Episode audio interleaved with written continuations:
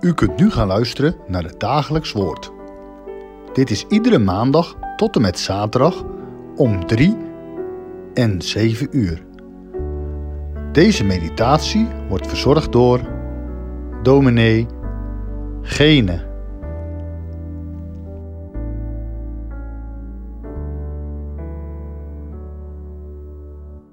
Een verrassende ontmoeting. Luisteraars, we lezen vandaag in ons dagelijks woord uit de Bijbel, uit het boek Exodus, hoofdstuk 18, vers 1 tot en met 12. Toen Jethro, de priester van Midian, de schoonvader van Mozes, alles hoorde wat God voor Mozes en zijn volk gedaan had, namelijk dat de Heere Israël uit Egypte geleid had, nam Jethro, de schoonvader van Mozes, Zippora, de vrouw van Mozes, nadat deze haar teruggestuurd had, met haar twee zonen, van wie de naam van de een Gersom was, want hij had gezegd, ik ben een vreemdeling geweest in een vreemd land, en de naam van de ander was Eliezer, want, had hij gezegd, de God van mijn vader is mij tot hulp geweest en heeft mij gered van het zwaard van de farao. Toen Jethro, de schoonvader van Mozes, met diens zonen en diens vrouw bij Mozes in de woestijn kwam, bij de berg van God, waar Mozes zijn kamp had opgeslagen, liet hij tegen Mozes zeggen, ik, je schoonvader Jethro, kom naar je toe met je vrouw en met haar beide zonen die bij haar zijn. Toen ging Mozes naar buiten, zijn schoonvader tegemoet. Hij boog zich en kuste hem. En ze vroegen naar elkaars welstand en gingen de tent binnen. Mozes vertelde zijn schoonvader alles wat de Heere ter wille van Israël met de farao en de Egyptenaren gedaan had.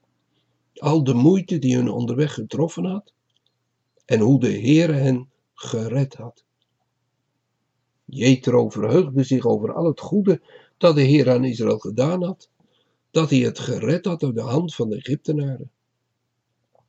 En Jethro zei, geloofd zij de Heere, die je gered heeft uit de hand van de Egyptenaren en uit de hand van de farao, die dit volk van onder de hand van de Egyptenaren gered heeft. Nu weet ik dat de Heere groter is dan alle goden, want in de zaak waarin zij overmoedig handelden, stond hij boven hen. Toen nam Jethro, de schoonvader van Mozes, voor God een brandoffer en slachtoffer.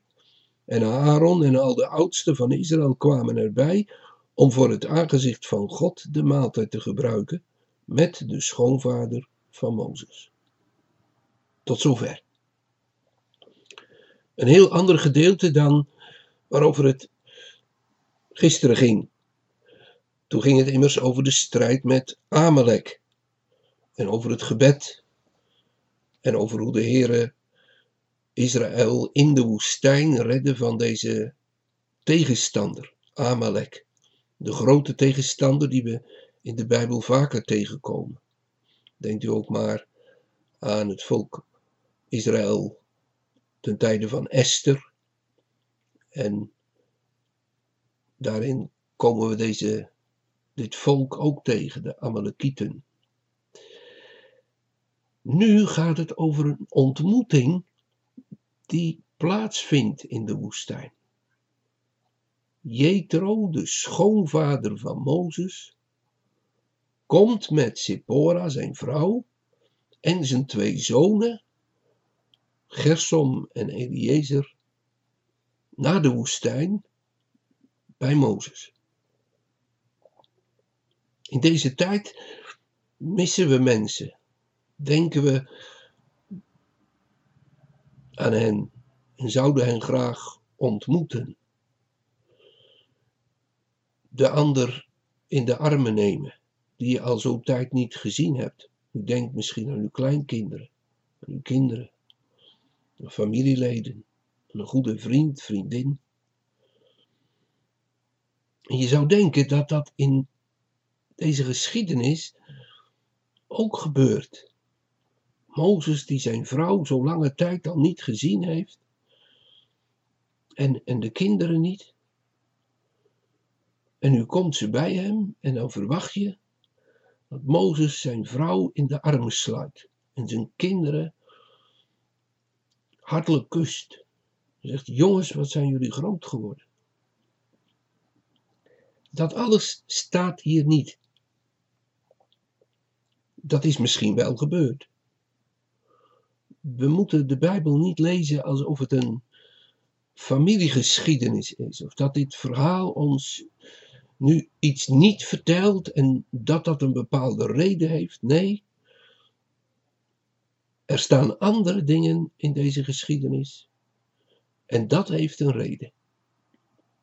Het gaat hier namelijk om een lofzang, om een beleidenis, om een lied waarin de naam van de Heere en zijn grote daden geroemd en geloofd worden en met anderen samen gedacht worden, herdacht worden.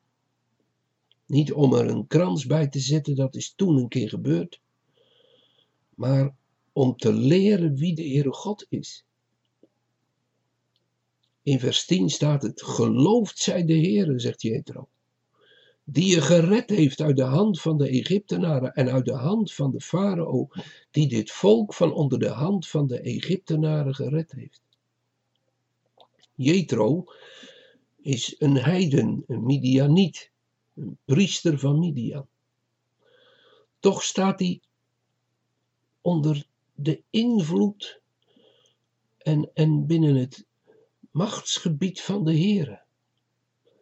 Hij erkent dat de Heere God is. Nu weet ik dat de Heere groter is dan alle goden. Dus ook de God en de goden van Midian, die hij dient en waarvan hij priester is. En hij erkent dat de Heere God is. En dat blijkt dat de Heere God is in zijn grote daden. De Heere maakt zich bekend. En dat heeft zich rondgesproken. Daar heeft men het over gehad. In vers 1 staat: Jethro, de priester van Midian, hoorde alles wat God voor Mozes en zijn volk Israël gedaan had, namelijk dat de Heere Israël uit Egypte geleid had. Dat is tot in Midian bekend geworden. En nu verkeert Mozes bij de berg Horeb, bij de berg Gods. En daar vinden in de woestijn elke keer bijzondere ontmoetingen plaats. Straks in hoofdstuk 20 zal de Heere zich aan Mozes betonen als de God van zijn volk, de God van het verbond. En hij geeft hen de tien geboden. Hier schenkt de Heere aan Mozes te mogen weten hoe groot de Heere is. En dat hij op deze God vertrouwen mag. En met deze God gaan mag. De weg zal nog lang zijn. Naar Israël. Maar nu reeds spreekt de Heer. Mozes, die als een vreemdeling geweest was in een vreemd land, zo heeft hij zijn eerste zoon Gersom genoemd, in Egypte. Maar hij heeft ervaren dat de Heere hem nabij was. De Heere is mijn hulp, God is mijn hulp. Daarom noemde hij zijn tweede zoon Eliezer. En nu komt zijn schoonvader, die heidense priester uit Midian, met zijn vrouw en zijn zonen. En hij vertelt hem, als hij buiten is en zijn schoonvader heeft gekust en, en ontmoet, En elkaars welstand hebben ze gevraagd en zijn de tent binnengegaan. En dan vertelt Mozes, zijn schoonvader, alles wat de Heere ter wille van Israël met de farao en de Egyptenaren gedaan had. Al de moeite die hun onderweg getroffen had. En hoe de Heere hen gered had. Dat staat verschillende keren in dit gedeelte. De Heere heeft gered. Hij heeft hen gered uit de hand van de Egyptenaren. Hij heeft het volk onder de hand van de Egyptenaren vandaan gered. En dat, dat is de kern van dit gedeelte. Dat staat hier boven alles en dat wordt geloofd en geprezen. De Heere wordt daarom geloofd en geprezen. Wie Hij is in zijn redding, in zijn verlossing. En nu lezen wij deze gedeelte uit Exodus nadat het Pasen is geweest. En dan vraagt u zich natuurlijk af, waarom nu dit gedeelte? Wel, dat hoort daar helemaal bij. Want Pasen, dat gaat over de uittocht van de Heer Jezus. En de intocht in het koninkrijk van God. Dat gaat over de weg die hij gegaan is. Als het lam Gods dat de zonde der wereld wegdraagt. Waar hij het bloed is dat aan de deurpost gesmeerd wordt. Zijn bloed, dat reinigt van alle zonde. En, en dan komt het volk door de Rode Zee. Dat hebben we ook al gezien. Die Rode Zee, dat is het beeld van, van het doodwater, maar ook van het doopwater. Van het bovenkomen uit de nood en de dood door de genade van God. En dat, dat wordt hier nu erkend door de schoonvader van Mozes, door Jethro. En zo wordt Mozes bemoedigd in zijn weg. Straks zal dat nog duidelijker worden in de hoofdstukken die volgen. Maar, maar hier spreekt de Heer zo tot hem. En dan, ja, dan is het een verrassende ontmoeting. Misschien heeft u die in deze tijd ook wel. Als het praatje over de corona voorbij is. En als u dan met elkaar spreekt over de grote daden van God, dat doet u dan nog wel eens. Spreken over wat de Heere tot u gesproken heeft. En spreken over wat de Heere in uw leven gedaan heeft. Ja. Ja of niet? leeft u daar nog altijd aan voorbij? Legt u dat nog altijd naast u neer? Vindt u het niet nodig dat de Heere dat voor u deed? Dat de Heere Jezus die wegging naar het kruis van Golgotha. Dat hij gelegd werd in het graf. En dat hij op de derde dag opstond uit de dood. En dat hij ten hemel voer en daar nu ons ten goede is? Dat, dat zijn natuurlijk de grote vragen waarover het gaat. Ook in dit gedeelte. Over wie de Heere voor ons wil zijn. Dat Hij ons gered heeft. Ja, ook mij? Wel, als u als een vreemdeling in dit land verkeert, als, als u, u daar bewust van bent geworden. Dat de nood zo groot is dat God u redden moet, dat Hij er aan te pas moet komen.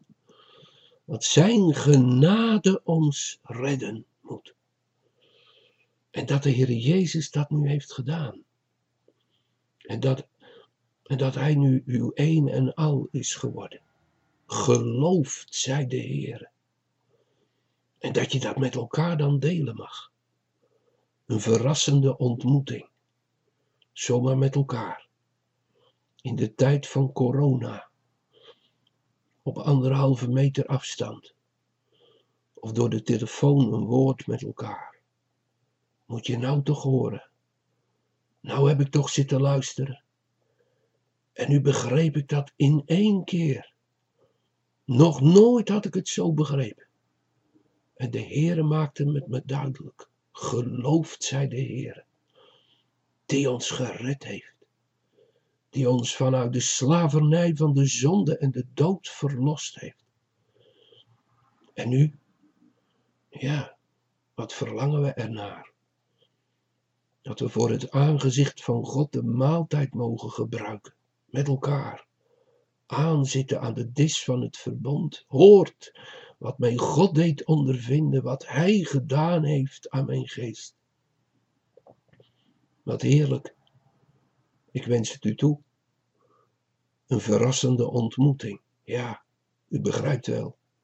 Dat grijpt nog even verder. Dat je tot die verrassende ontmoeting komt met de Heer. Dat je niet vertelt erover, maar dat je vertelt eruit, ervan. God deed mij ondervinden. Zijn naam zij geloofd. Wat heerlijk. En ja, dat kan ook in deze tijd. Dat mag ook vandaag. Als we de Heer loven en prijzen. Hij heeft gered. Zullen we hem samen nog bidden? Trouwe Heer, we danken u dat we zo een ontmoeting mogen hebben vanavond, vanmiddag. Luisterend naar uw woord, het oude woord over Mozes in de woestijn, een ontmoeting. En we bidden u, Heer, dat u ons schenkt een ontmoeting met u. Elke keer maar weer opnieuw, hoe zouden we, moeten we verder? We kunnen niet verder. Als, och, wat een wonder, dat het evangelie ons zegt dat u ons nabijgekomen bent in de grootste crisis die er ooit in de wereld geweest is en wezen zal. De crisis van Godverlatenheid. De crisis van wij hebben God op het hoogst misdaan. Wij zijn van het heilspoor afgegaan. De crisis, wij hebben gezondigd en derven de heerlijkheid Gods. En in die crisis is de Heer Jezus gekomen. En in die crisis komt het evangelie. En daarom is er wat te zeggen, daarom is er genade, daarom is er verwachting. En daarom danken wij u, Heer, dat u geen anderhalve meter en geen anderhalve eeuwigheid en geen hele eeuwigheid afstand houdt, maar dat u zo dichtbij komt. Dat u tasten mogen dat u, dat u zich vinden laat. Dat u zegt, ik ben er. En zo komt u op ons af, ook vandaag, in uw woord. Ruim alles uit de weg, heren, dat uw komst in de weg staat. En, en schenk ons dat we u mogen ontmoeten. Misschien zijn het wel woorden die aan ons voorbij gaan en toch leeft er zo'n diepe hunkering. Heere, dat u het dan schenkt. Of dat het alweer zo lang geleden was en dat we zo in het donker lopen en duisternis onze ziel benauwt en dat we het niet weten hoe het allemaal moet. Och Heere, ons geloof je, dat is altijd maar niks. Maar als u er bent, Heere, dan, dan gaat geloven vanzelf. Dan, dan schenkt u het zo van dichtbij. En we bidden u om manna in de woestijn. We bidden u om een rots in de dorheid. We bidden u om uw woord, om daarbij te leven, opdat we geloven mogen door uw kracht, o Heilige Geest. En opdat we leven mogen om uw naam te loven, geloofd zij u de Heer, de Vader, de Zoon en de Heilige Geest, die was en die is en die komen zou, de Alpha en de Omega, het begin en het einde, de Heere, groot en heerlijk en machtig is uw naam en u bent te loven en te prijzen tot in eeuwigheid. O Heere, hoor ons, wees ons arme zondaren, om Jezus wil genadig. Amen. Gezegende dag.